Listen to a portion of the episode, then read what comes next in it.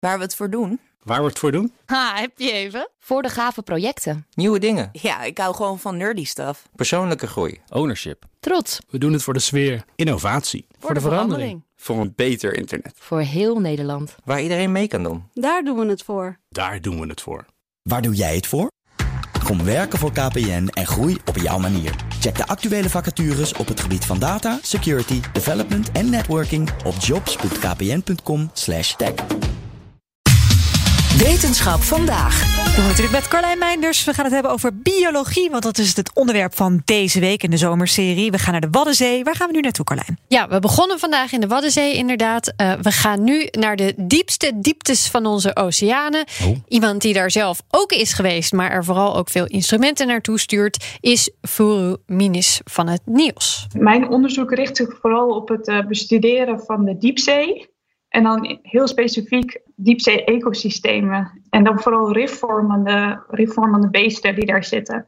En wat ik graag uh, wil weten, is hoe deze ja, riffen uh, voor kunnen komen in de diepzee. Want dat is best wel een extreme, extreme omgeving. Waarbij er geen licht is, het is donker, het is diep, het is koud.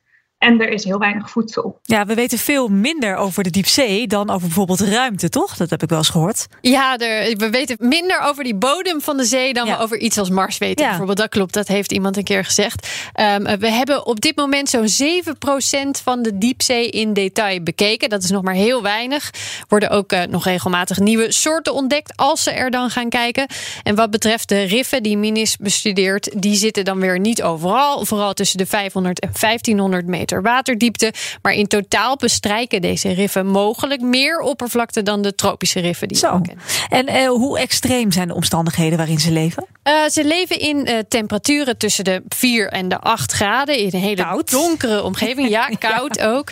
Ze hebben zelfs een rif gevonden dat voorkomt bij temperaturen onder nul. Hele andere omstandigheden dan in de tropen dus. Maar de functie van zo'n rif is aardig gelijk. Het is een, een kraamkamer, een schuilplaats. Een plek waar veel voeding te vinden is. En dus ook een plek eh, vol leven. Ja, echt hè? Dus toch in, op dit soort diepte, dieptes, diepe dieptes komen, komt gewoon leven voor. ja Want de voeding, daar zou je zeggen, er is niet zoveel. nee, het is niet bepaald een eh, food court. Nee. Ja, de koralen zelf, die, die vangen deeltjes uit de, uit de waterkolom met een, eh, met een tentakels. Een beetje vergelijkbaar met wat een anemoon eh, doet. En eh, ja, die deeltjes die moeten naar beneden komen, want die worden vooral geproduceerd aan het wateroppervlak. In de vorm van algen. En als die algen doodgaan, dan zinken ze naar de zeebodem. Maar hoe eh, dieper je de oceaan induikt eigenlijk, hoe minder er overblijft. Want continu wordt er aan dat voedsel geknabbeld door van alles en nog wat in de waterkolom. Uh, dus er blijft maar een heel klein percentage blijft over voor die rifsystemen zelf.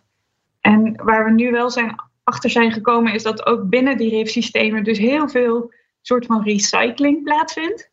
Dus um, de koralen die eten, eten dat materiaal, dat algenmateriaal, maar die poepen ook weer uh, materiaal uit. En dat wordt ook weer hergebruikt door andere, andere soorten. Er wordt heel efficiënt met voedsel omgegaan, Nou, uh, inderdaad. zoals je hoort. Alles heeft ook een wat tragere stofwisseling door de kou. Er zijn ook dieren die slimme manieren hebben gevonden om wat minder energie te verbruiken. Vissen die kunnen staan op hun ondervinnen om Oh. even uit te rusten, bijvoorbeeld. Eh, Ze zijn dus natuurlijk heel belangrijk voor het leven in de diepzee, dat weten we.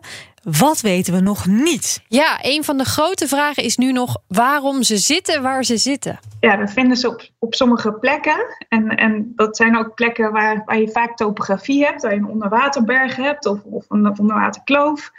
En daar botst, laat zeggen, het water wat continu door de oceanen stroomt, want dat is continu in beweging, botst met zo'n structuur. En dan krijg je allerlei mixing en turbulentie en processen. Nou, en we zien wel dat dat gelinkt is, maar dat is toch weer overal net even anders. Dus ja, we kunnen nog niet echt precies zeggen van oké, dit is waarom ze voorkomen, waar ze voorkomen. Tja, ik zit hier toch echt met klappen en horen te luisteren, Carlijn. Sowieso omdat het diep en koud en donker is. Maar goed, daar ben ik Ja. me inmiddels overheen gezet. Ja, ja, ja. Wat, er, wat ik er interessant aan vind is, hoe onderzoeken ze die dan? Want als er zo weinig, hè, 7% noemde jij al bekend is... dan lijkt het me niet makkelijk om daar te komen. Nee, nee, en sowieso kan het niet heel vaak. Er is vaak maar één kans per jaar. Dan gaat er een schip heen, wordt er heel veel vanaf het schip gemeten. Met zo'n speciaal duikbootje naar beneden. Dat, dat kan gewoon niet altijd. Heeft ze wel een keer gedaan overigens. Maar Echt, eh, ja? ja, ze is een keer helemaal tot aan beneden geweest. Vond ze ook geweldig.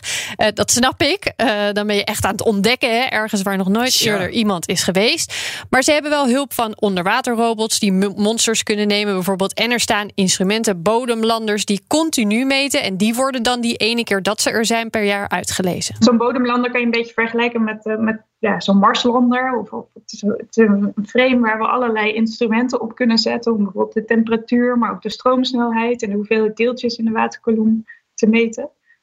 En eh, ja, die systemen kunnen we wel een jaar lang wegzetten. Dat proberen we in ieder geval heel vaak.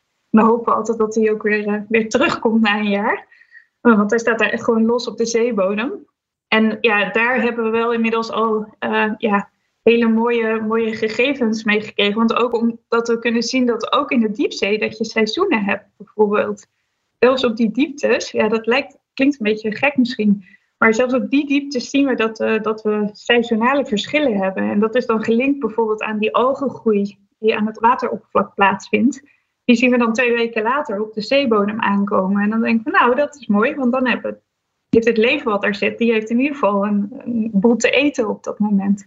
En uh, ja, op die manier krijgen we steeds een, iets meer ja, grip op, op, hoe die systemen functioneren. En hoe meer we weten, hoe beter we dat leven daar kunnen beschermen. Precies. Dat is ook belangrijk. Ja, en hoe beter we kunnen voorspellen wat veranderingen, uh, opwarming van het water, verandering in stroming, zuurgraad, gaan doen met deze riffen. Ja. En daarmee met een deel van het leven in de zee. Mooi. En morgen weer een biologielesje van Zeker. Carlijn. Dankjewel. Interesting. Ook Harm Edens vind je in de BNR-app. Je kunt BNR Duurzaam niet alleen live luisteren in de app, maar ook terugluisteren als podcast, zoals al onze podcasts. En naast dat de BNR-app Breaking News meldt, houden we je ook op de hoogte van het laatste zakelijke nieuws. Download nu de gratis BNR-app en blijf scherp.